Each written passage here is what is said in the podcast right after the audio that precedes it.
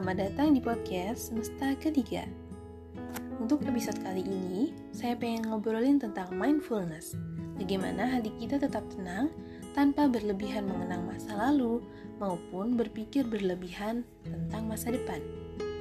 Tapi sebelumnya, sadar nggak sih kalau kita ini sejak kecil terbiasa menerima perintah untuk berpikir – Guru-guru kita di sekolah selalu menyuruh kita memikirkan pelajaran biar kita paham sama materi pelajarannya.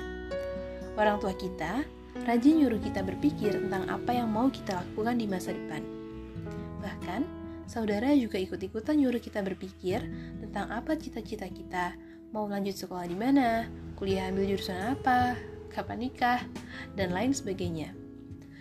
Di satu sisi, pertanyaan-pertanyaan itu tentu baik karena menunjukkan bahwa mereka peduli. Tapi di sisi lain, kebiasaan selalu berpikir ini ternyata cenderung merugikan jika terbawa sampai kita dewasa. Kalau kita lagi rebahan, nontonin YouTube, dan gak lakuin apa-apa, mesti ada perasaan bersalah karena seolah kita nggak bisa memanfaatkan waktu dengan baik. Nah, ada buku yang akhir-akhir ini saya baca, di situ ada beberapa kontributor dan Mas Aji Santoso Putro adalah salah satunya. Di buku berjudul Slow ini, Mas Aji bilang bahwa ada yang lebih penting dari berpikir, yakni menyadari.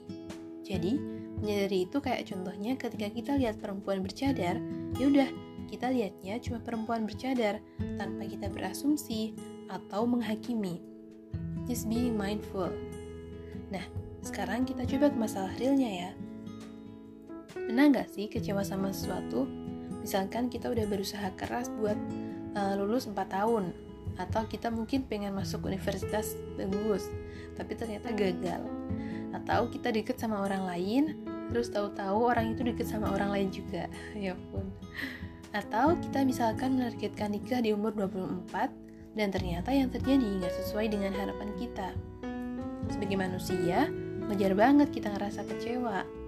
Tapi kalau kita punya manajemen batin yang baik kecewanya gak bakal lama sampai berlarut-larut dan bawa dampak buruk buat kita. Kalau kata Mas Aji, banyak permasalahan bahwa hidup kita itu berawal dari pikiran kita sendiri yang gaduh. Inilah yang acap kali membuat batin kita merasa sakit.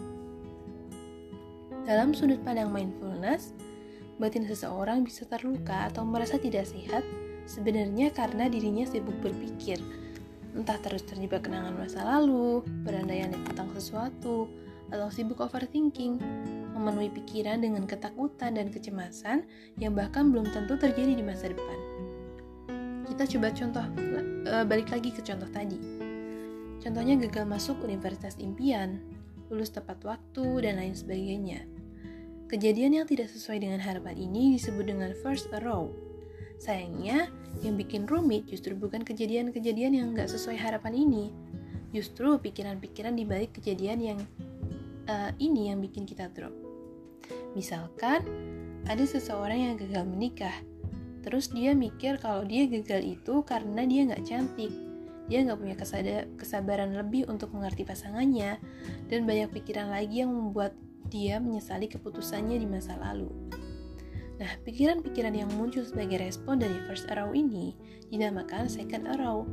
Dan parahnya, second arrow ini menyumbang 80% rasa sakit dan sedih di batin.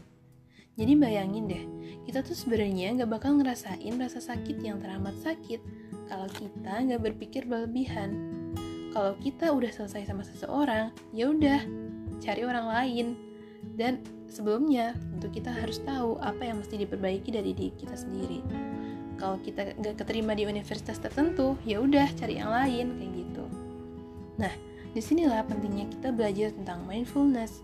Berlatih mindfulness bukan berarti mengendalikan pikiran, namun lebih kepada saat pikiran negatif itu muncul, kita menyadari bahwa semua itu hanyalah pikiran, bukan kenyataan. Ingat ya, keywordnya adalah itu adalah pikiran, bukan kenyataan. Setelah itu, kita perlu melakukan yang dinamakan dengan emotional healing. Nah, cara yang bisa kita lakukan itu sangat sederhana. Mas Aji menuliskan dalam buku bahwa kita hanya perlu belajar duduk, diam, dan menyadari nafas. Di berbagai kesempatan, di YouTube-nya, di wawancara di TV, live Instagram, Mas Aji sering menyampaikan hal ini, bahwa kita hanya perlu duduk diam dan menyadari nafas. Sesederhana itu. Kita perlu jeda dari pikiran dan menyadari nafas, itu merupakan salah satu cara yang bisa kita lakukan. Meskipun terdengar sederhana, tapi ini membutuhkan latihan rutin dan mungkin akan terasa lebih menantang untuk kita lakukan saat kita sedang marah atas keadaan yang tidak kita inginkan. Sepertinya kita perlu percaya pada omongan orang tua zaman dahulu. Katanya, hidup itu sederhana dan benar, karena pikiran kitalah yang mendorong kenangan muncul, impian, dan harapan yang kita punya seolah harus terjadi. Kemampuan diri untuk tenang dan ikhlas saat menerima kenyataan yang tak sesuai harapan dapat membantu kita hidup menjadi manusia yang seutuhnya, yang tidak berlebihan menginginkan bahagia dan juga tidak terlalu membenci kesedihan yang muncul dari diri kita. Terima kasih sudah mendengarkan podcast ini, semoga bermanfaat.